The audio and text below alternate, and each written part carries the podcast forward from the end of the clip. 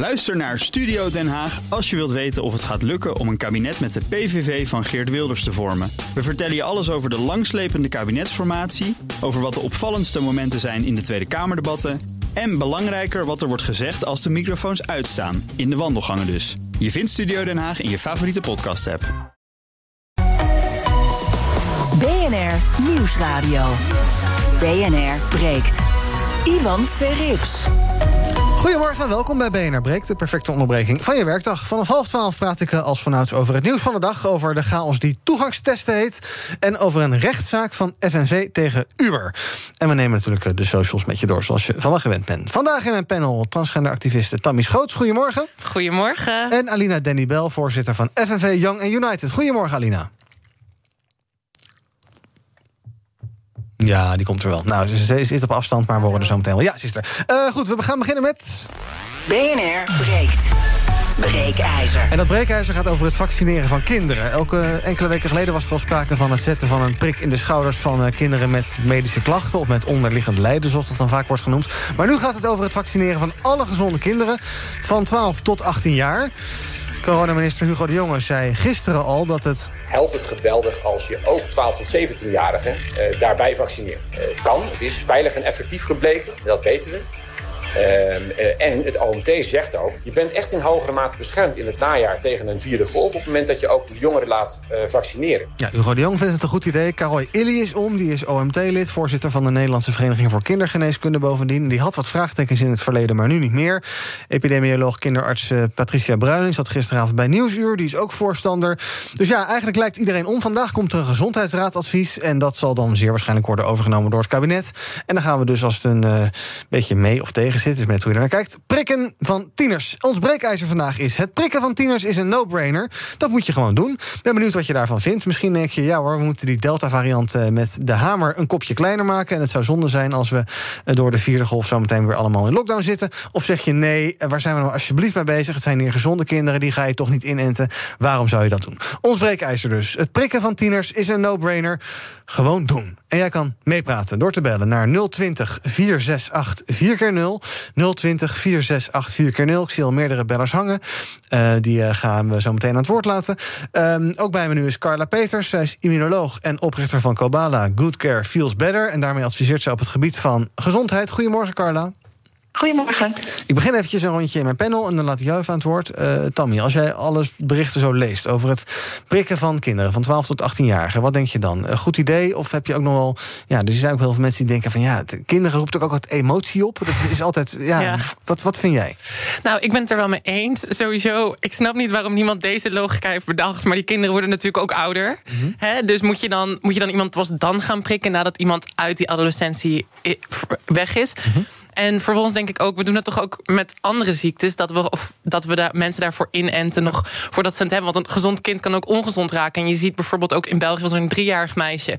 Die is overleden mm -hmm. aan corona. Je zag ook in de leeftijdsgroep in Nederland van 15 tot 19 dat twee jonge mannen zijn overleden aan ja. corona. Ik denk dat het gewoon heel belangrijk is dat we onze kinderen beschermen. En ik denk dat zo'n vaccin de manier daar, daaruit is. Maar ik, ik snap ook wel dat heel veel mensen zorgen maken om de ja. langetermijn gevolgen. Ja. Wel goed om natuurlijk even te zeggen dat er natuurlijk relatief weinig kinderen uh, uh, op de IC belanden. En al helemaal relatief weinig kinderen sterven. Maar... Ja, maar je moet maar een van die kinderen zijn. Exact, en of okay. ouders van die kinderen zijn. En ik snap gewoon niet dat het als het gaat om kinderlevens, dat we daar zo makkelijk over doen. Van ja, maar dus de meeste zijn toch gewoon gezond. Het is denk ik belangrijk om iedereen in te enten en iedereen te beschermen. Oké, okay. waarom, waarom zijn kinderlevens dan anders dan volwassenlevens? Nou, ik heb. Dat, dat, ik kwam hier de studio in en ik wilde dit graag zeggen. Ja? Ik heb het gevoel soms dat we oudere levens soort belangrijker vinden dan kinderlevens. Ik ben nog helemaal niet gevaccineerd. Ik ben ook geen kind hoor. Maar, uh, en, en de mondkapjesplicht is opgeheven. En we gaan met z'n allen weer uit. Terwijl er gewoon bewezen is dat die Delta-variant om zich heen slaat.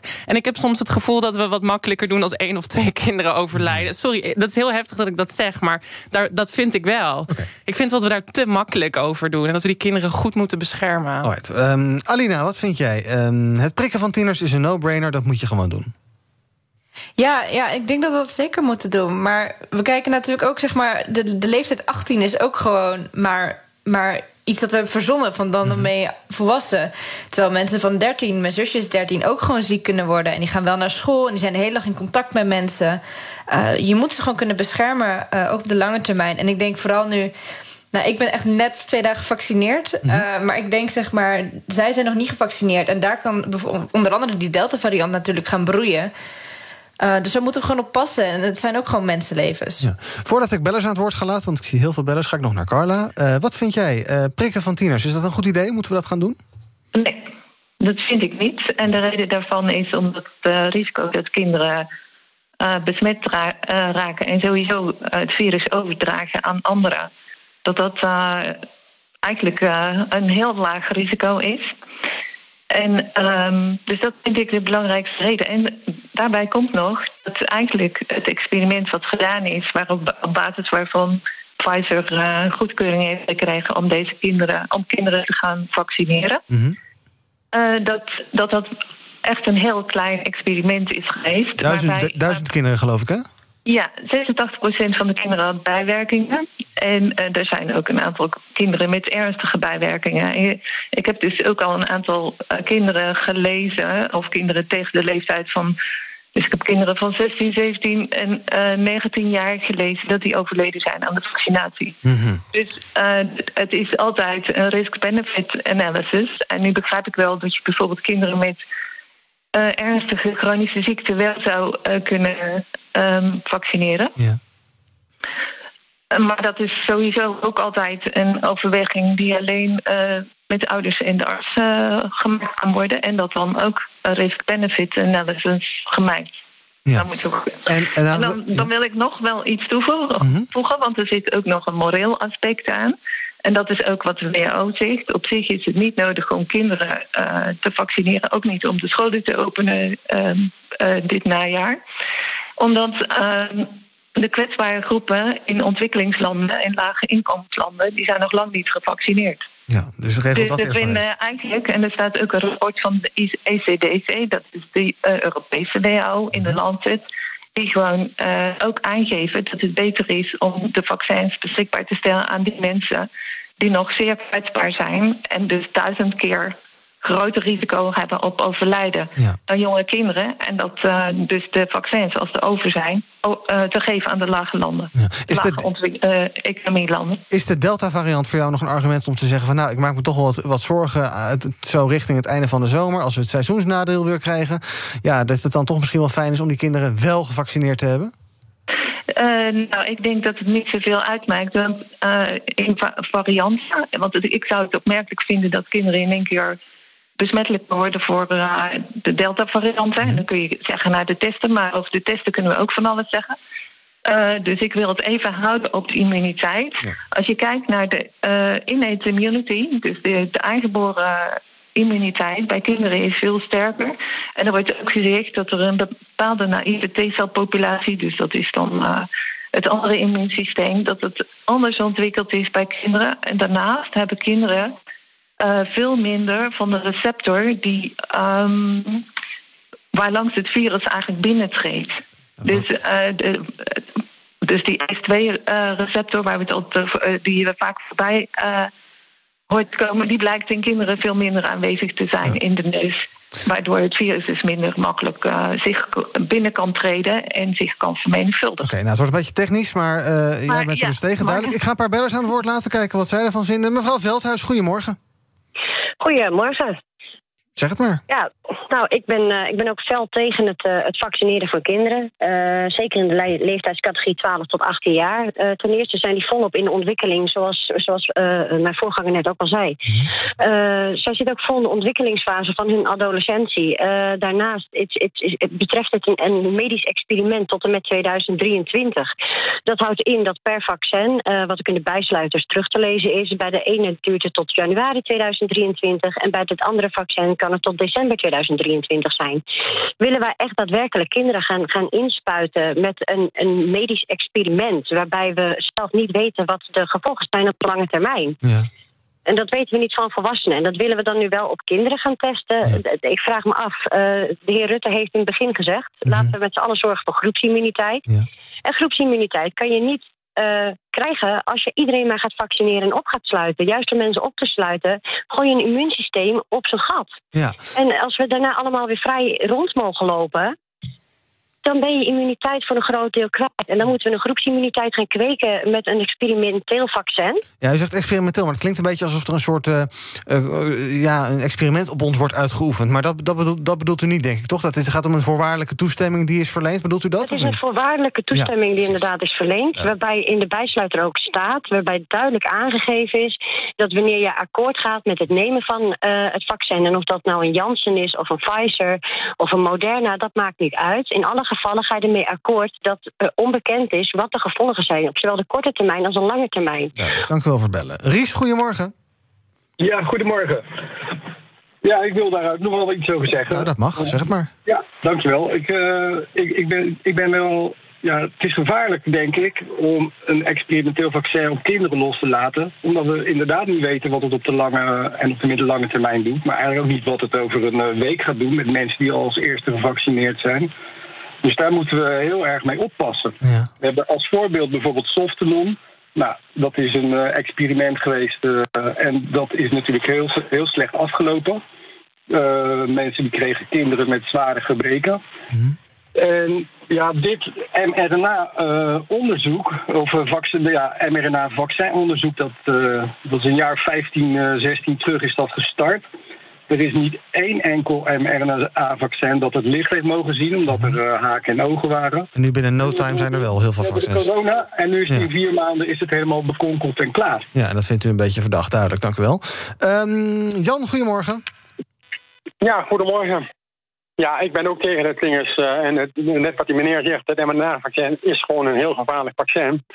En eh, de jeugd eh, die hoeft daar niet voor beschermd te worden. Toen mijn, mijn jongste zoon werd geboren, voor de zijn eerste vaccinatie, dat heeft dat niet met corona te maken, maar die was wel bijna dood door, door ingrijpen van een dokter toen ik in het ziekenhuis kwam. Die kwam direct aan de bloed en heeft iets gered. Ja. Maar het is gewoon heel gevaarlijk. En het is gewoon een experimenteel eh, vaccin. Dus we moeten alle, eigenlijk allemaal van Pfizer moeten we geld krijgen als, als proefpersoon. En de meeste doden zijn gevallen bij Pfizer. Hm. Ja, ik vind het toch wel ingewikkeld hoor. Ook de, ook de woorden experimenteel vaccin. Ik geloof dat er een voorwaardelijke goedkeuring is verleend. En dat dat, maar dat nog steeds daarmee niet zo is dat, er, ja, dat we een soort van experimentje op mensen aan het uitvoeren zijn. Carla, hoe, hoe zie jij dat? Uh, nou, het is, het is uh, voorwaardelijk uh, goedgekeurd. Hè? Ja. En eigenlijk uh, zou dat wel betekenen dat je iedereen. dus daar zijn ook vaker discussies over gevoerd. of je dan iedereen voor een consent zou moeten laten tekenen. -huh. dat is overigens voor het Janssen en Jan, Johnson, en Johnson vaccin wel het geval. Ja. Dus iemand die daar vaccinatie meeneemt, dat is dus niet voor kinderen. -huh. Want voor kinderen geldt alleen um, voor uh, het Pfizer-vaccin. Maar ook voor uh, het Pfizer-vaccin voor kinderen moeten de ouders een consent tekenen dat ze mee akkoord gaan. Ja. Dus dat is, uh, dat is sowieso het geval. Dus dat is anders dan dat het in een Rijksvaccinatieprogramma is. En we weten inderdaad. Dus de fase 3 trials die lopen nog. Wat normaal eigenlijk wel het geval is. Dat die, als de resultaten wel bekend zijn voordat vaccinaties breed worden uitgerold. Ja. Nou zijn er allerlei andere landen om ons heen die het ook doen. Uh, Frankrijk, Spanje en Duitsland zijn er al mee bezig. Uh, ja, Tammy, ja. dan ben je geneigd om te denken... nou ja, wij zijn de volgende. Is dat iets wat je moet overwegen in je afwegingen? Want we waren eerst ook heel eigenwijs met mondkapjes. Er gebeurde in landen om ons heen ook. Ah. Zeiden wij heel lang, uh, doen we niet. zijn we uiteindelijk ook gaan doen. Tammy, hoe, hoe kijk jij daarnaar? Is dat, moet je naar het buitenland kijken... of moet je toch echt je eigen afweging maken in Nederland? Ja, ik vind het wel mooi dat je dat zegt. Want ik denk dat het probleem hier met deze discussie... is dat we op zoek zijn naar een punt van autoriteit. Want als je gaat kijken naar wat zijn de argumenten, dan is iedereen eigenlijk heel selectief aan het shoppen in het wetenschappelijk onderzoek. Ik hoorde net uh, deze mevrouw ook iets zeggen over dat er een direct verband is tussen je laten vaccineren en dat mensen daarna overlijden. Nou, daar schrik ik best wel van dat dat zeg maar zo opgeworpen wordt. Aan de andere kant uh, lijken voor al deze me mensen die we net hebben gehoord, die lijken allemaal gewoon geen enkel besef te hebben van wat COVID met iemand doet. Een hele mooie reportage over long-COVID. Wat dat met je doet, de lange termijn gevolgen. Ik vind dat gewoon allemaal. Ik vind het een beetje selectieve logica. En ik snap inderdaad, oh, moeten we dan om ons heen kijken op zoek naar autoriteit. Ik vertrouw de overheid. Mm -hmm. Ik laat me vaccineren. Ik kijk goed naar wat het, wat het kan doen met je. Ik kijk goed naar alle wetenschappelijke onderzoeken. Ja. En daaruit heb ik er gewoon ontzettend veel vertrouwen in. Gewoon om heel eventjes al deze bagger van daarnet uh, repliek te bieden. Alina, vertrouw jij de overheid? Zeg jij als de gezondheidsraad uh, een positief advies geeft... ja, wie, wie ben ik dan om te zeggen van nou, dit klopt niet of het is onzin? Of... Nou ja, en, en nou, ik zou ik heb net me laten vaccineren, maar ik ben in, in september, oktober ook heel ziek geweest van COVID. Ik, ik, ik, ik heb zelf de ervaring dat ik gewoon drie weken helemaal plat op bed lag, niet kon werken, niet kon opstaan eigenlijk. Um, en dat ik daarna zoveel last van mijn spieren had. Eigenlijk in drie weken ben ik heel veel spieren ook verloren. Mm -hmm. uh, en moest ik eigenlijk mijn hele conditie van, van nul eigenlijk weer opbouwen. En ik was twintig toen, weet je. Ja. Dat is niet, ik, ben, ik ben nog redelijk jong. Vergeleken met mensen die 17 zijn, schelen wij heel weinig. Het enige wat er dan verandert is, zeg maar, dat, dat nou, ik ben dan net iets ouder en dan.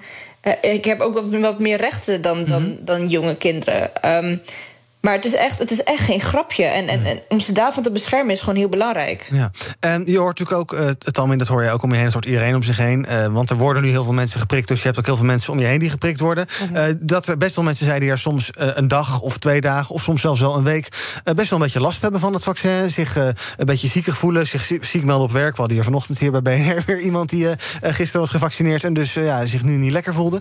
Uh, dus het is, um, zo'n zo vaccin geeft ook overlast. Ja, maar, maar dat is toch logisch? Als in, ik snap niet dat we de logica daar niet van inzien. Als in een vaccin wordt je te beschermen omdat het antilichamen aanmaakt en je wordt ermee ingespoten. Laten we dit even relativeren. Zeg maar, als je je laat vaccineren als kind tegen, nou, ik noem maar wat, volgens mij rode hond, geloof ik. Dat soort dingen, dan ben je daarna ook even ziek. Ja. Want dat is, dat is, dat is hartstikke logisch. En ik snap niet dat, het, dat we dat het ligt, het ligt onder een vergrootglas. Ja. En alle, alle kuchjes, hoesjes, dat je even niet lekker voelt nadat je gevaccineerd hebt, lijkt, het lijkt een soort uitvergroot te worden. Ja. Relativeer de nou. Daar wil ik wel even graag op reageren. Want uh, uh, ik denk dat er vergeten wordt dat uh, de FDA ook een aantekening heeft gemaakt voor hartafwijken of hartklachten na de Pfizer-vaccinatie. Dat vooral voorkomt bij jongeren onder de 30 jaar en wel bij mannen. Mm -hmm. En dat zijn inmiddels 1226 gevallen. En die nemen gewoon wekelijks toe. Dus het is niet zo uh, dat er niks kan gebeuren en dat er ook geen gevaarlijke gebeurtenissen kunnen zijn. We weten al, kijk, de, de, ik wil het even afmaken. De anafylactische shock, dat is ongeveer wel onder controle. Dat is ook een bekend verschijnsel. Mm -hmm. Maar uh, uh, die bloedklotten, die, die blijken ook op te, te, kunnen treden bij het Pfizer-vaccin. Dat ja. is niet alleen AstraZeneca en Johnson Johnson. En als je dan kijkt, als we even terugkijken naar waar we het over hebben, we hebben het over kinderen van 12 tot 17 jaar. Uh, waarbij we dus, mijn advies is, neem een pas op de plaats. En kijk eerst wat de, wat de echt effecten zijn. Evalueer wat de effecten zijn. Die nu naar buiten komen. Overigens uh, lopen de, um, de gegevenssystemen waar alle bijwerkingen gemeld worden. Bijvoorbeeld uh, in VARS is bekend dat de gegevens niet helemaal up-to-date zijn. Mm. van de bijwerkingen. En die nemen echt per maand uh, schrikbarend toe, ja. vind ik. En dat is niet eerder met andere vaccins ook gezien. En dan kun je zeggen, ja, maar we hebben nu in ieder geval... Um, hebben we in één keer zoveel mensen gevaccineerd... dus dat is ook niet opmerkelijk. Mm -hmm. Ik vind dat het belangrijk is, als je kinderen wilt gaan vaccineren... die geen risico lopen of nauwelijks risico lopen... en dan wil ik het even hebben over waar ze het net over hadden, over multisysteem uh, ontstekingen wat bij kinderen voorkomen, ja. dan blijkt dat 29 tot 50 procent van die kinderen, dat heb ik net nog in een wetenschappelijk artikel nagezocht, dat, uh, dat die niet positief testen op een PCR-test. Okay. Dus de vraag is, is het COVID? Ja, dan nee. Het kunnen ook andere gevolgen van de pandemie zijn. En die mogen niet onderschat worden. Nee. Ik vind dat het heel belangrijk is dat we kinderen nu niet extra stress gaan uh, opdrukken om te zeggen van jullie moeten gevaccineerd worden. Ja, of Ook zou het kinderen... stress kunnen zijn als je, in het, als je nu al weet dat je in het najaar misschien dat we lekker met volle klassen zit, um, uh, dat, ja, dat we misschien daardoor in een nieuwe lockdown moeten gaan. Dat zou ook stress ja, kunnen dat, opleveren. Dat, dat levert ook stress ja. op, maar ik vind sowieso, uh, en dat is wetenschappelijk aangesteld, de lockdowns zeer negatief ja, werken voor kinderen. Zeker. En dat die ook niet te verantwoorden zijn. En als je het, uh, dus die stress zou weg kunnen genomen worden, dat dat nooit een reden mag zijn. Want dan zet je kinderen dus indirect en de ouders indirect onder druk om wel gevaccineerd te worden. Mm -hmm. En dat mag nooit een reden zijn. Nee. Als ouders zeggen van nou, ik wil mijn kind beschermen. Dan is dat een persoonlijke afweging. En dat is wat ik vind. Ik vind dat daarom de persoonlijke keuze altijd voorop staat. En dat dus maar het wordt ook niet verplicht, maar ook voor ouders. Het gaat ook nooit helemaal verplicht worden. Het, het, wordt aangeboden. Het, ja, het wordt aangeboden, maar wat je gaat krijgen is de groepsdruk. Mhm. En uh, dat is waar ik voor wil waarschuwen ook de groepsdruk mag nooit een reden zijn dat de kind zich wel of niet laat vaccineren of dat ouders zich over laten halen. Nou, ik denk juist dat die groepsdruk de andere kant uit aan het werken is. Dat als je een vaccin neemt, dan word je bijna als een soort uh, hetze weggezet. Als ik nu nog een mondkapje draag in de, in de, in de supermarkt, mhm. word ik ook weggezet van, oh, hoezo doe je dat? Ja, ja. dus, omgekeerde gekkie. Nou ja, zo. zo. begint het, daar begint het wel een beetje op te lijken. Mhm. En ik denk ook van, nou, ik schrik ervan. Kijk, natuurlijk is het belangrijk om uh, om, om goed te kijken naar, naar de lange termijn gevolgen. Maar aan de andere kant denk ik ook van wat deze mevrouw hier allemaal loopt te spuwen, weet je wel. dan denk ik ook, ze geeft eigenlijk haar eigen tegenargumenten soms al. Van het is zo massaal worden we gevaccineerd. Natuurlijk staat dat niet in verhouding tot de bijwerkingen van andere vaccins. Het zijn allemaal uit de context getrokken sprookjes. Van, kort, van Facebook ik waarschijnlijk. Ik ga nog kort een paar bellers aan het woord laten tot slot van het half uur. Dat zijn uh, eigenlijk allemaal bellers die ook niet uh, zitten te wachten op vaccins. Heel toevallig is dat. Hans, goedemorgen. Hallo. Hallo. Um, ja, ik denk dat er twee belangen zijn. Een collectief mhm. belang en een privébelang. Het collectieve belang is, dus, is dat de ziekenhuizen niet vol moeten lopen. Dat is een beetje uit het zicht geraakt. En uh, maatregelen en voorstellen op uh, globaal niveau... die horen bij de politiek. En die moeten dus ook de afweging maken tussen economische gevolgen... en het vol laten lopen van ziekenhuizen. Dat is ook de afgelopen tijd gebeurd. Mhm. En dan denk ik daarnaast dat in, het, in de privésituatie... mensen voor zichzelf moeten beslissen of ze zich laten vaccineren. Ja. Maar zou denk je wel een goed idee zijn om het aan te bieden aan kinderen? Of zeg je nou, doe maar niet? Ik denk dat de ouders en de kinderen dat moeten beslissen. nou, dat is sowieso in het geval. Dankjewel. Floor, goedemorgen. Goedemorgen. Zeg het maar. Uh, nou, ik ben van mening dat uh, dit niet kan sowieso niet. Ik vind überhaupt dat je kinderen niet moet vaccineren. Ik zelf ben uh, een kwetsbaar persoon. Ik heb zelf een beperking. Ik woon met tien gevaccineerde mensen. Ik ben ziek geworden van deze mensen. Het moet nog eens afgelopen zijn met het gezeik om mij verantwoordelijk te stellen voor jullie gezondheid. Oh ja. Kom op zeg. We leven in democratie, niet in dictatuur. Nou, dat is zeker zo, dus je mag er inderdaad zeker ook voor kiezen om het niet te doen. Perry, goedemorgen. Uh, goedemorgen. Zeg het maar. Ja, uh, zeker niet doen. Ik denk uh, lange termijn uh, effecten zijn niet duidelijk. Hm. Kinderen zijn de toekomst. En we kunnen ze nooit meer terugdraaien hè, als de lange termijn effecten wel iets, iets brengen. En ik, ik, ik verbaas me soms over de vrouw in het panel die, die, die alles wegwuift en blind vertrouwen heeft in, in iets wat, ja, give it a name, experimenteel of voorwaardelijk akkoord. Ja, duidelijk. Dankjewel. althans, hij was je zin aan het afmaken, ja? Sorry, maak maar even af. Ja, nee, pas daarvoor op. Uh, ik denk dat uh, uh, mensen die gevaccineerd zijn, zijn beschermd. Dus laten we vooral daar, daar opbouwen dan.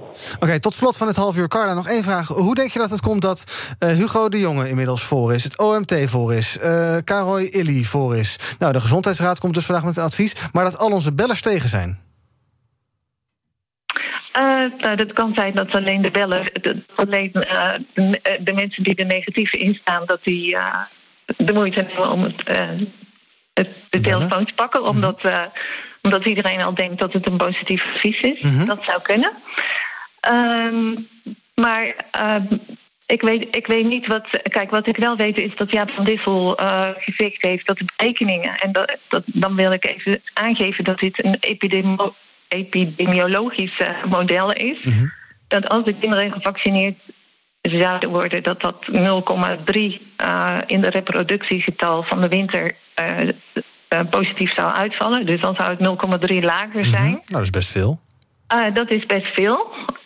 maar dat is een voorspelling. En dat is niet op gegevens gebaseerd. En dat vind ik lastig om op basis daarvan.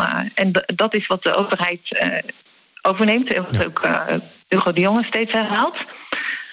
Um, en ik vind het op basis van epidemiologische modellen bepalen of je een vaccin wel of niet adviseert, uh, vind, ik, uh, ja, vind ik best wel uh, een, een punt. Ja. Ik zou dan liever gehad hebben dat er een, een gedegen studie gedaan zou zijn in een bepaald land en gekeken werd of er inderdaad positieve zulke positieve effecten zijn. En zeker omdat, het, zeker omdat het gevaar voor deze uh, leeftijdsgroep laag is. Ehm, en daarbij vind ik nog steeds de ouders die bang zijn, de kinderen die, die, die graag beschermd willen worden, dan is dat een persoonlijke afweging. Duidelijk, dankjewel, Carla Peters. Immunoloog, inderdaad. Eh, vandaag komt de Gezondheidsraad dus met dat uh, rapport. En uh, ja, het is aan iedereen uh, om dan zelf een afweging te maken. Ook om met je kinderen erover te gaan praten. Om daar, denk ik, zelf naar te kijken, naar de voor's en tegens. En dan een afweging. Het lijkt me wel ingewikkeld als je kinderen hebt en je zit met je ouders. En je, hebt dan, en, je, en je gaat er en je, je denkt als ouders, ik wil het niet, maar je kind wil het wel, of andersom. Ja. Zal ik, zal ik even een kleine. Even laten zien hoe mensen hun afweging maken? Oké, okay, maar heel kort, dan in 20 seconden. Want ze gaan naar Google, ja? ze zoeken het. En dan ja? krijg je allemaal wappie sites, de eerste 20. Wat, wat mooi was aan de mensen van daarnet, is dat je ziet inderdaad hun onderzoek, dat klopt. Uh -huh. Maar onderzoek van de overheid, ja, oh. dat is allemaal prognose. Waar moeten ze dan heen? Uh, nou, ik denk dat je naar het RIVM moet. Ja, maar dat is allemaal. Dat is ja, dat, is allemaal, dat klopt allemaal niet, hè? Want hm. Facebook zegt dat. Hm, hm, nou, we gaan het gezondheidsraadadvies zien. En uh, ja, je moet zelf uh, afwegen wat voor oordeel daaraan, daaraan hecht. En hoe je daarmee omgaat. Dank nogmaals, immunoloog Carla Peters. Zometeen praat ik in het tweede deel van BNR Breekt over het nieuws van de dag. Over de chaos die toegangstest heet. En over um, belastingvoordelen voor expats zoals voetballers. Gezellig, tot zo.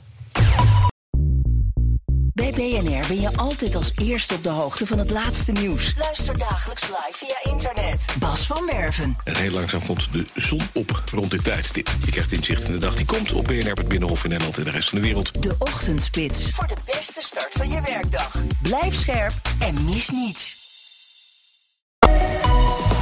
BNR Nieuwsradio. BNR breekt. Ivan Verrips. Welkom terug bij BNR Breekt met in mijn panel activisten Tammy Schoots en Alina Denny Bell van FNV Young and United. En we gaan praten over het nieuws van de dag. Zometeen over Uber, het taxibedrijf dat door de, voor de rechter is gesleept door FNV. Maar eerst over de chaos die het toegangstest heet. Afgelopen weekend konden de clubs eindelijk weer open. Op voorwaarde dat je daar een negatieve test kon laten zien of gevaccineerd was. Dat moest dan allemaal in die QR-code-app staan. Um, zijn jullie meteen de stad ingegaan, uh, Alina? Nee, nee, ik uh, moest heel veel werken, dus uh, dat werd er even niet. Maar had je het anders wel gedaan? Of zeg je van nou, ik wacht wel even af hoe het allemaal loopt en hoe het gaat? En, uh... ik, ik, weet het nog niet. Ik ga graag naar concerten toe, maar mm -hmm. we zullen het nog wel even zien. Ja, ben jij nog, zoals die meneer net zei in die reportage van Poont... Waar gaan jullie heen? Naar de kloten! Naar de kloten gegaan, Tommy? Nee, zeker niet. Ik ben gewoon, ik ben nog niet gevaccineerd. Dus het voelt dan een beetje raar om daar tussen allemaal mensen te gaan staan, waarvan ook uiteindelijk blijkt dat heel veel zich ook niet hebben laten testen. Ja. Um, het is een beetje spelen met COVID net voor het einde. Want ik word zondag gevaccineerd. Mm -hmm. Net laatste loodjes nog heel even wachten en dan. Uh... Ja, um, wat jij zegt, inderdaad, mensen die niet uh, getest zijn. Um, je moest je dus laten testen. Dan kreeg je die QR-code in die Corona-check-app. En die kon je dan bij de ingang op je mobiele telefoon laten zien. Dat was het idee. Maar dat ging dus niet overal even goed. Sowieso was er vertraging bij het testen voor toegang. Ik zag foto's met enorme rijen mensen die er stonden te wachten. Uh, ook was er nog iets met een hekpoging. Gelukkig, tussen haakjes, zijn jongeren creatief. Gewoon, gewoon op internet opzoeken, gewoon zo'n uh, QR-code. Kijk, je doet gewoon zo. Jullie hebben een QR-code op internet opgezocht? Ja, maar dat maakt niet uit. De dag is geweldig. Geweldig. Het gaat lekker, man. Is het jullie gelukt om die negatieve testen? Maar ik heb eigenlijk de QR-code van een maatje van mij. Oh, dus je kan gewoon QR-code onderling... Uh... Eigenlijk wel, maar dat moet je niet doorvertellen. Wij ja, maken gewoon een screenshotje, screenshotje van de test. Dan die stuur je naar je maten en dan kan je met z'n allen naar binnen. Reportage van Poont was dit. Alina, als jij dit hoort, wat denk je dan? Geweldig succes, dat testen voor toegang? Nou ja, ik, ik heb zelf testen voor toegang meegemaakt voor het Eurovisie. Het werkt mhm. prima, maar ik denk dat het gewoon een beetje een overbelast systeem was. Ja. En plus, het is ook wel je eigen verantwoordelijkheid om gewoon veilig te gaan, te gaan dansen. Ja. En als je dat niet doet, dan is that's on you. Ja, maar goed, daarmee benaderen je natuurlijk ook heel veel anderen die daar dansen en denken dat ze veilig dansen met andere mensen die veilig dansen. Ja, dat, dat is natuurlijk een probleem. Ik bedoel, je gaat ervan uit dat iedereen wel test. En als mhm. mensen dat niet doen, dan is dat wel dat is gevaarlijk. En dat, dat, dat, beseffen ze misschien nog niet eenmaal. Ja. Tammy, bij wie leg jij nou de schuld de zaakjes neer, neer? Zijn deze jongeren die je net hoorde, zijn dat de achterlijke idioten? Of klopt, dat, eh, klopt het systeem erachter niet? Zou het helemaal waterdicht moeten zijn? En uh, ja, dat kan natuurlijk bijna niet, hè? Nee, zeker niet. En ik denk eigenlijk twee dingen. Allereerst, als ik zo op mijn Instagram stories kijk en zo... en alle filmpjes die gemaakt zijn... die ontlading bij heel veel mensen was zo fijn. En ook goed om te zien, weet je wel... eindelijk kunnen we weer uit. Maar ik denk ik leg de verantwoordelijkheid bij de overheid neer. Je had net eventjes iets langer moeten wachten. Want Mhm. ik ben 26. Ik word zondag pas voor het eerst eh, gevaccineerd.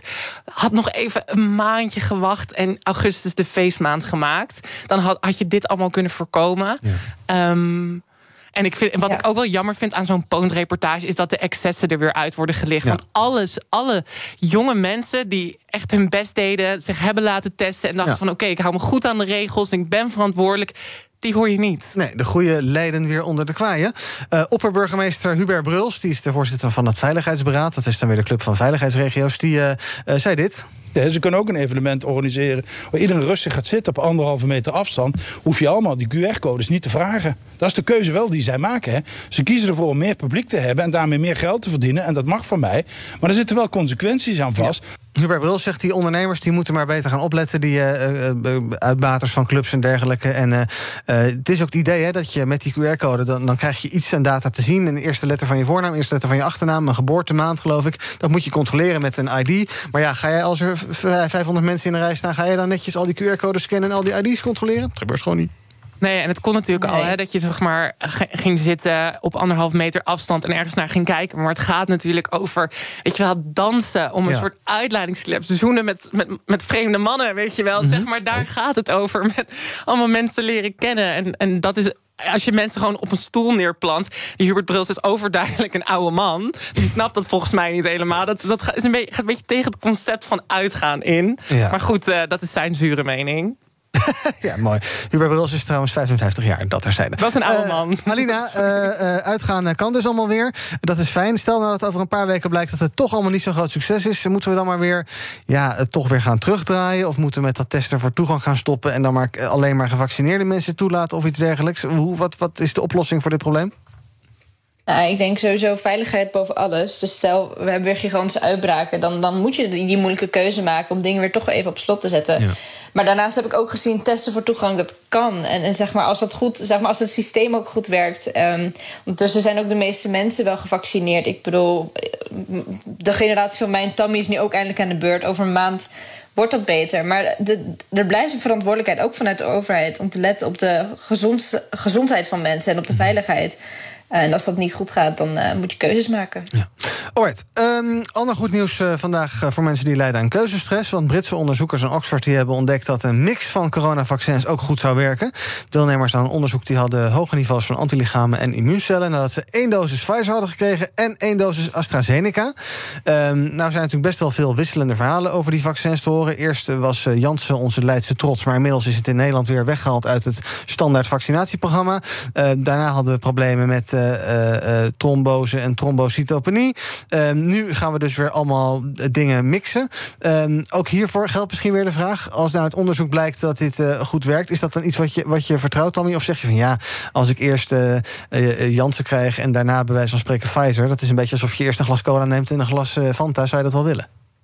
Nou, ten eerste wil ik wel zeggen dat Janssen uit de markt is gehaald onder publieke druk. Mm -hmm. Want van de pil heb je meer kans op trombose dan Janssen. Uh, ten tweede, uh, wat ik wel denk is.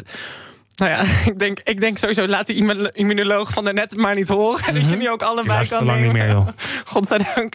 Maar, uh, nou ja, ik, ik, ik hoop, ik denk gewoon dat het belangrijk is. En ik had gesprek met mijn moeder en mijn broertje. En zo'n zo'n Janssen, die beschermt voor 60 procent. Mm -hmm. En mRNA voor ongeveer 2 of 93 procent. Dus mijn moeder zei, ja, waarschijnlijk moet hij sowieso nog een mRNA. Maar ik, ik weet het niet. Nee. Ik weet het gewoon echt niet. Sorry. Nee, nee, het is denk ik ook iets waar we moeilijk over kunnen oordelen, want het is allemaal wetenschap. Oké, dan gaan we iets uh, bespreken waar we het wel over kunnen hebben. Vandaag start de rechtszaak, sterker nog, we speak, geloof ik, is die bezig tegen Uber. Um, ja, taxibedrijf, platformbedrijf, hoe wil je het noemen? Dat is misschien ook wel een beetje de kern van de zaak. De FNV heeft die zaak aangespannen. De rechter moet zich buigen over de vraag uh, hoe de chauffeurs precies uitbetaald moeten worden. Zijn ze in dienst? FNV vindt dat dat zo is en dat ze onder de taxi-CAO zouden moeten vallen. Maar Uber zegt nee hoor, het zijn gewoon ZZP'ers en wij verbinden gewoon mensen die ergens heen willen met autootjes. En ja, daar zitten toevallig mensen in. Luister even mee naar Ton Hendricks, arbeidsrechtadvocaat. Die zegt dat uh, nou, Uber best wel wat te vrezen heeft. Nou, als je kijkt naar hoe het is in andere landen verlopen. Het begon eerst al in, uh, een paar jaar terug in Spanje. Vervolgens in Frankrijk en ook in, in Engeland. En, en steeds is er geprocedeerd eigenlijk tot aan het, aan het hogere gerechtshof. en steeds krijgt uiteindelijk Uber de deksel op de neus tot op heden.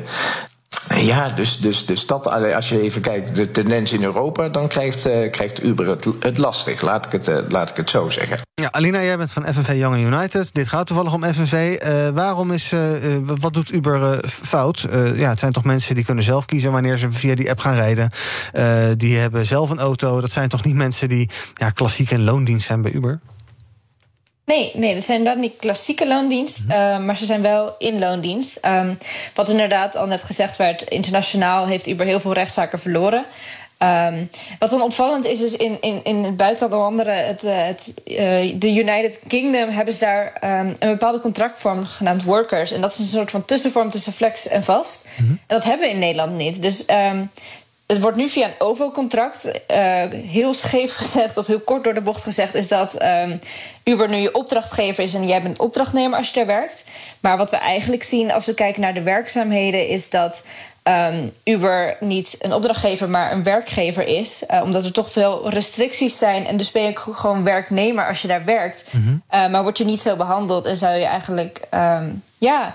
Eh, ja, als een werknemer behandeld moeten worden. En dezelfde zaken hebben we ook gezien bij Deliveroo. En gaan we ook, eh, zijn we nu mee bezig bij Liceo, ehm, waar ik het vorige week ook even over had. Ja. En het zijn eigenlijk precies dezelfde modellen. En, en nou, het- laat zien ook in het buitenland dat dit gewoon niet een houdbaar model is. En een heel kwetsbaar model ook voor mensen die daar werken. En dat zijn vooral ook vaak jongeren. Alright, we gaan hier zo even over doorpraten. Ik ga eerst even naar Thomas van Zel. BNR breekt. Dan mag hij even vertellen wat we om 12 uur in zaken doen gaan doen. Praten met eh, Peter van der Bos. Hij is de bestuursvoorzitter van eh, BKR, Bureau Kredietregistratie. Dan zal het ongetwijfeld ook nog wel even over studenten gaan. De studieschuld en hoe die nu geregistreerd moet worden. Want er zijn mensen die eh, een hypotheek afsluiten... en die dan denken, ja, als ik daar echt eerlijk ben over mijn studieschuld... dan valt de hypotheek te laag uit... en dan kan ik het wel schudden op de woningmarkt. Daar gaat het over. Het gaat sowieso natuurlijk ook over de coronacrisis... en of dat ervoor gezorgd heeft dat mensen vaker te maken krijgen met betalingsachterstanden of toch niet vanwege dat royale steunpakket. Het beleggerspanel is er, eh, onder andere over eh, toezicht houden op eh, cryptovaluta. Het begint er nu toch echt wel op te lijken dat dat gebeurt. De Britse aandelen ook wel interessant na vijf jaar Brexit, het referendum dan. Die zitten eindelijk weer in de lift. Wat is daar gebeurd? En ik praat met Thierry van Lanker van Axo Nobel. Die hebben een grote overname gedaan. Eerder dit jaar zeiden ja, wij doen overnames met een rekenmachine in de hand. Dat moet allemaal wel iets opleveren. Nou, daarover ga ik met hem praten. Zometeen om één uur. Maar we zijn er al een uur eerder. Vanaf 12 uur BNR Zaken. Ja, dan zou het een uur stil worden. Dat is een groot probleem. Kunnen, nou ja, je blijft hier maar een uurtje zitten nog. Dat kan ja, nee, gisteren ben ik al bijna een uur uitgelopen, dus ik zal het kort houden. Oké, tot zo. Zaken doen. BNR Oké, we waren aan het praten over FNV en Uber. Ehm eh, Tammy, vind jij... eh, ik kan me voorstellen, Uber is, ja, ze uit kosten dood zijn... als we al, al die mensen in dienst moeten gaan nemen. Want die hebben die- al die mensen ook de daarbij behorende rechten. Ehm, is, is het zo... Moet er een manier zijn waarop je toch een soort van... Hè, het wordt wel over gesproken, flex minder flex, vast minder vast... maar dat je toch ja, op een lossere manier met eh, mensen om kan gaan... als Uber zijnde, dan dat het dus het klassieke dienstverband is... met iemand die in vaste dienst is. En de, de, de clichés van je komt nooit meer van zo iemand af. Eh, missen we in Nederland misschien een soort tussenlaagje? Of Nee, moet dat- Uber gewoon zijn verantwoordelijkheid hierin ben ik nemen? het wat he- dat betreft? helemaal mee oneens dat we een soort tussenlaag nodig hebben. Je ziet juist, hè, de generatie 50-minners is de minst vermogende groep. En dat komt omdat we weinig so- sociale zekerheid opbouwen. We huren alles van je fiets tot je, tot je wasmachine. We kunnen nergens meer heen. Je moet tegenwoordig voor sociale huurwoningen al een vast contract laten zien. Eh, dus, dus ik denk dat we generatie dakloos worden. Dus ik denk dat het, ik vind het onzin om een soort tussenvorm te gaan doen. Uber moet gewoon, de, moet gewoon de, de dienstwerknemers de sociale rechten geven die het verdient. Ik snap niet waarom we daar moeilijk over gaan doen met zo'n tussenweg. Laat hen maar gewoon Nee. de sociale zekerheid betalen. Lina? Kl- Klopt. Ik zeg ook niet. Ik denk ook inderdaad niet zo'n tussenweg is, is misschien niet het juiste. Maar eh, wat, wa- waar ik vooral voor pleit is die inkomenszekerheid. Want dat hebben mensen die bij Uber werken eh, niet. En dat is ook inderdaad een ding in, in onze generatie. Is dat wij die inkomenszekerheid gewoon constant niet hebben. Vanwege flexcontracten die niet goed zijn. Vanwege het eh, moeilijk krijgen van een vast contract. Vanwege te hoge, of, eh, te hoge huurprijzen, te hoge huizenprijzen. En dat, nou ja, heel veel los je al stap, de eerste stap om eigenlijk heel veel geldproblemen op te lossen, is die inkomenszekerheid eh, versterken eh, voor een hele generatie. Ja, Uber zelf zegt trouwens dat de meeste chauffeurs helemaal niet, eh, niet in dienst willen. Dat die zelfstandig willen zijn. Oh, Tammy moet lachen. Sorry. Alina, wil je eens reageren? Je moet ook al lachen. Waarom lacht iedereen? Dat is een hele serieuze opmerking. Nou, omdat wij onderzoek hebben gedaan. ehm, om, gewoon, en, en we zien, het is niet zomaar dat we als FNV een rechtszaak aanspannen tegen Uber. Dat zijn mensen die daar werken en die komen bij ons en die zeggen het is niet oké. En als het genoeg mensen zijn die daar werken bij ons komen, dan kunnen wij zo'n rechtszaak aanspannen. Dus eh, het is, het is, daarom lachen we denk ik ook. Ehm 4000 mensen, eh, chauffeurs in, in Nederland heeft Uber. Die zouden dus gewoon allemaal in dienst moeten zijn bij Uber, wat, wat jullie betreft? Nou, als je kijkt naar de winst die ze maken, kan Uber het makkelijk betalen. Dus ik denk dat het een heel goed idee is. 4000 banen gecreëerd, ideaal. Alright, we gaan kijken naar wat jullie eh, nieuws van de dag is. Wat jullie opviel in eh, eh, het nieuws. Tammy, jij wil het hebben over de Tsjechische president Miloš Zeman. Die niet zo ehm, het heeft op transgender personen. Ja, ik, eh, eigenlijk wil ik het er helemaal niet over hebben, als ik heel eerlijk ben. Maar noemt ze ik walgelijk, toch, geloof is. Ja, hij noemt ze walgelijk. En dat kwam naar aanleiding van de anti-LHBTI-wet die in Hongarije is doorgevoerd. Mhm.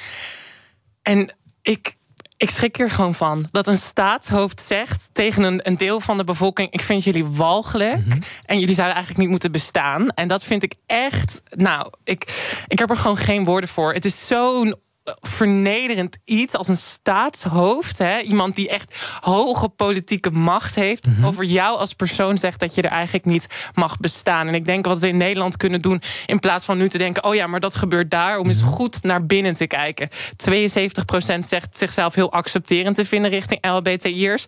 Maar 1 op de 3 zegt te walgen van twee mannen die hand in hand lopen. 95% zegt niet met een transvrouw te daten. omdat ze eigenlijk geen echte vrouw is. Mhm. De helft van de transgender personen zit in een uitkering of laagbetaalde baan. terwijl het opleidingsniveau boven het gemiddelde ligt. Dat zijn allemaal dingen waarvan wij, denk ik.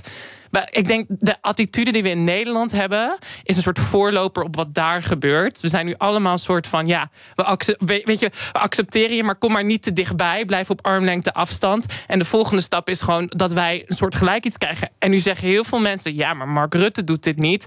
Mark Rutte zegt het inderdaad niet. Maar hij stemt bijvoorbeeld wel tegen de verbetering van de transgenderzorg. Terwijl we zien dat de wachtlijsten twee, drie jaar zijn, weet je wel. Ja. Dat is immens. Ja. Alina, ehm, eh, eh, de woede richtte zich de afgelopen dagen vooral op Hongarije. Ehm, is eh, Tsjechië het volgende terechte slachtoffer van die woede? Of zou dat het moeten zijn? Ja. Oh, ik zie, ik ik zie. Tommy Ik heel boos kijken. Ja, maar welke. Nee, Heel, sorry, heel even? Aline. Ja, nou, ik vind het best mo- moeilijk hoe je dat zeg maar fraseert. Want de woede richt zich op. Als iemand tegen jou zou zeggen: Jij mag hier niet zijn, jij mag hier niet bestaan. Word je toch ook boos? Mhm. Ja. Word je toch Maar ook verdrietig? woede dan? Ja, maar het klinkt een beetje alsof eh, Victor Orban gecanceld wordt door de boven, boze transmoed. Zeg maar, de woede richt zich niet. woede. Nee, de woede richt zich niet op Tsjechië. Tsjechië veroorzaakt woede hierdoor. Mhm. En ik wil graag ook alle zeg maar, precies. Nederlanders oproepen die op vakantie gaan naar Tsjechië. Cancel je vakantie. cancel Want dit is gewoon idioot. Dit is gewoon echt Ja, idioot. en- Als je nu nog op vakantie gaat, dan ben je echt geen LHBTI-voorstander. En er vorig jaar geweest, gelukkig net op tijd. Ja, en hou, hou ze ook vooral veran- verantwoordelijk. Hè. Ik bedoel, van, we hebben het heel vaak over cancelen, maar, maar eigenlijk eh, moeten we het misschien niet per se over cancelen hebben, maar vooral over verantwoordelijk houden. En weet je, als ik een fout maak, dan word ik ook door mijn team verantwoordelijk gehouden. En zo moeten we ook met elkaar omgaan. Het, het gaat om, om, om, zeg maar, het gaat om elkaar en om mensenrechten. En de- daar mag je echt wel zeg maar, een statement van maken.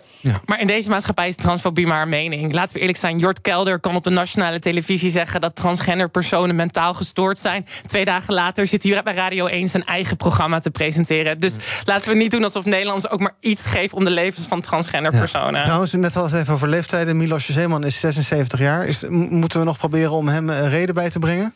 Of zou je denken, joh, laat deze vent lekker... en de nieuwe generatie denkt er heel anders over? Nee, ik denk echt zeker niet dat de nieuwe generatie hier wel anders over nadenkt. Want als je gaat kijken naar voordelen, zitten ze in mijn generatie. Ik ben 26. De millennial generatie houdt, houdt transpersonen ook op armlengte afstand. Als in, het gaat er gewoon over dat we niet de, zelfreflectie hebben om naar de volgende stap van emancipatie te komen. En dat is niet alleen maar aan de rechterkant. Feministische platforms hebben liever trans mannen die als mannen behandeld worden in deze maatschappij om over feminisme te praten dan transvrouwen. We kunnen niet accepteren dat transvrouwen vrouwen zijn. En dat is echt, dat is, de- dat is deze maatschappij. Even kijken wat trending is op de socials momenteel nog. Hashtag eh, Nieuwser is trending. Na een uitzending van gisteravond over de WOP, Wet Openbaarheid Bestuur. Uh, dat uh, moet anders. Hugo de Jong had besloten om dat nou, een beetje af te schalen in deze tijd. Maar de rechter zegt nee, dat mag niet. Hashtag leenstelsel. Naar aanleiding van het nieuws dat het leenstelsel de verschillen tussen studenten vergroot. En ze financieel afhankelijker maakt van hun ouders. Gaan we het zo meteen nog even kort over doorpraten. En hashtag Zwitserland is trending. Door de spannende wedstrijd tussen Zwitserland en favoriet Frankrijk. Na een verlenging kwam het aan op penalties. Nu de druk van de op de schouders van Mbappé. En hij mist. Sommer pakt die inzet. En Zwitserland gaat door naar de kwartfinale. Ja, Zwitserland gaat door. Frankrijk ligt eruit. Met een beetje mazzel kan je zeggen dat we eigenlijk net zo goed zijn als de Fransen en de Portugezen. En dat was ook alweer een tijdje geleden. Uh, Alina, uh, ik noem het al eventjes. Jij wil het graag hebben over dat nieuws van het Nibud. Ze hebben berekend dat het uh, leenstelsel... ja, de, de, de, ongelijkheid tussen, ik zeg maar even heel kortweg... arm en rijk vergroot. Ehm, dat is toch iets wat we eigenlijk al wel heel lang wisten... dat het leenstelsel een waardeloos ding was... en dat we daar vanaf moeten willen? En dat we daar ook waarschijnlijk ja, wel vanaf gaan komen? Klopt, we, zijn, we weten wel heel lang. Daarom zijn we al twee jaar als uh, FV United... samen met de Landelijke Studentenvakbond bezig met een campagne genaamd Niet Mijn Schuld... Mm -hmm. Um, waarbij we eigenlijk aantonen: het leenstelsel kan niet. Uh, er, moet, er moet een goede basisbeurs komen, er moet compensatie komen. En uh, het moet allemaal beter in de onderwijsbegroting. Maar wat het interessante is, het leenstelsel werd natuurlijk ingevoerd vanwege um, dat we zeiden: de, de bakker mag niet voor, uh, of, de, de bakker mag niet voor de advocatenzoon betalen. Mm -hmm. Maar je ziet nu juist um, dat, dat die bakker meer moet inleggen. Um, en dat de kansengelijkheid eigenlijk steeds groter wordt. Dus dat, dat de economische verschillen steeds groter worden tussen, tussen bepaalde groepen. En dat is natuurlijk helemaal niet oké. Okay. Nee. Het is goed dat daar nu ook eindelijk bewijs voor is. Want het NIBE doet maar elke vier jaar um, dit onderzoek. Uh, dus we hebben eindelijk ook cijfers waar we mee kunnen werken. En zeggen, hé, hey, laten we iets veranderen. Ja, Tammy, ik denk toch dat ze in Den Haag inmiddels ook wel weten... dat het leenstelsel weg moet, hè? Nou, dat zal je nog verbazen. Oh, ik denk nee, als je met een gemiddelde VVD'er praat... zegt eigen verantwoordelijkheid, eigen verantwoordelijkheid. Mm -hmm. Goed idee. Gemiddelde P van de A volgens mij ook nog. Uh, dus nee, ik, uh, heel eerlijk wat jij zegt... we weten inmiddels allemaal dat zo'n leenstelsel ongelijkheid... bijvoorbeeld schijnbaar wel, behalve mm -hmm. in de Tweede Kamer. Ja, tenzij je dus graag ongelijkheid wil, dan moet je het lekker houden. Nou ja, ik denk dat... Ja, en, en tussen ja, oh ja. En het is natuurlijk ook gewoon de vraag wat er komt na het leenstelsel. Ik bedoel, dat het weggaat is een vrij grote kans. Maar wat komt er in plaats, zeg maar? Komen we met een slechter stelsel, komen we met een beter stelsel? Dat is nog even de vraag. En daar, daar moeten we denk ik ons ook heel hard voor maken. Um, om daar iets goeds van neer te zetten. Ja. Uh, want dat, zeg maar, het kan niet zo zijn dat je weer een slecht systeem neerzet... en over vijf jaar denkt, oh nee, toch niet zo'n goed idee. Nee, en wat is een beter stelsel dan? Is dat uh, gratis geld voor iedereen en zo lang mogelijk studeren als je maar wil? Of is dat toch iets nee, anders? Nee, ik denk, nou ja, je ziet dat studenten heel graag zelf willen bijdragen. En ze kunnen naast hun 40-urige schoolweek kunnen ze ook nog 12 uur werken. Uh, 12 uur werk per week is al best wel wat, want dan maak je een 52-urige week. En met, met, die, met dat, zeg maar, zeggen wij ook vanuit Niet Mijn Schuld, zeggen wij de eis... als je 12 uur werkt, moet je schuldenvrij kunnen studeren. Dus er moet er een, een, een basisbeurs zijn die, uh, die hoog genoeg is... zodat, uh, zodat jij uh, zonder gigantisch grote schulden... die boven de 40.000 euro uitkomen, kan afstuderen. Nou, sturen een mp3'tje van deze uitzending... naar Mariette Hamer en De Haren. Dank jullie wel voor je aanwezigheid in het panel vandaag. Tammy Schoots en Alina Dennybel. Morgen ben ik er weer. Tot die tijd kan je ons volgen op de socials... op Twitter, Instagram, YouTube en natuurlijk bnr.nl. En zometeen is hier dus Thomas met Zaken doen. Tot morgen. Ook Bas van Werven vind je in de BNR-app. Ja, je kunt live naar mij en Iwan luisteren tijdens de ochtendspits. Je krijgt een melding van Breaking News. En niet alleen onze podcast Ochtendnieuws, maar alle BNR-podcasts vind je in de app. Download nu de gratis BNR-app en blijf scherp.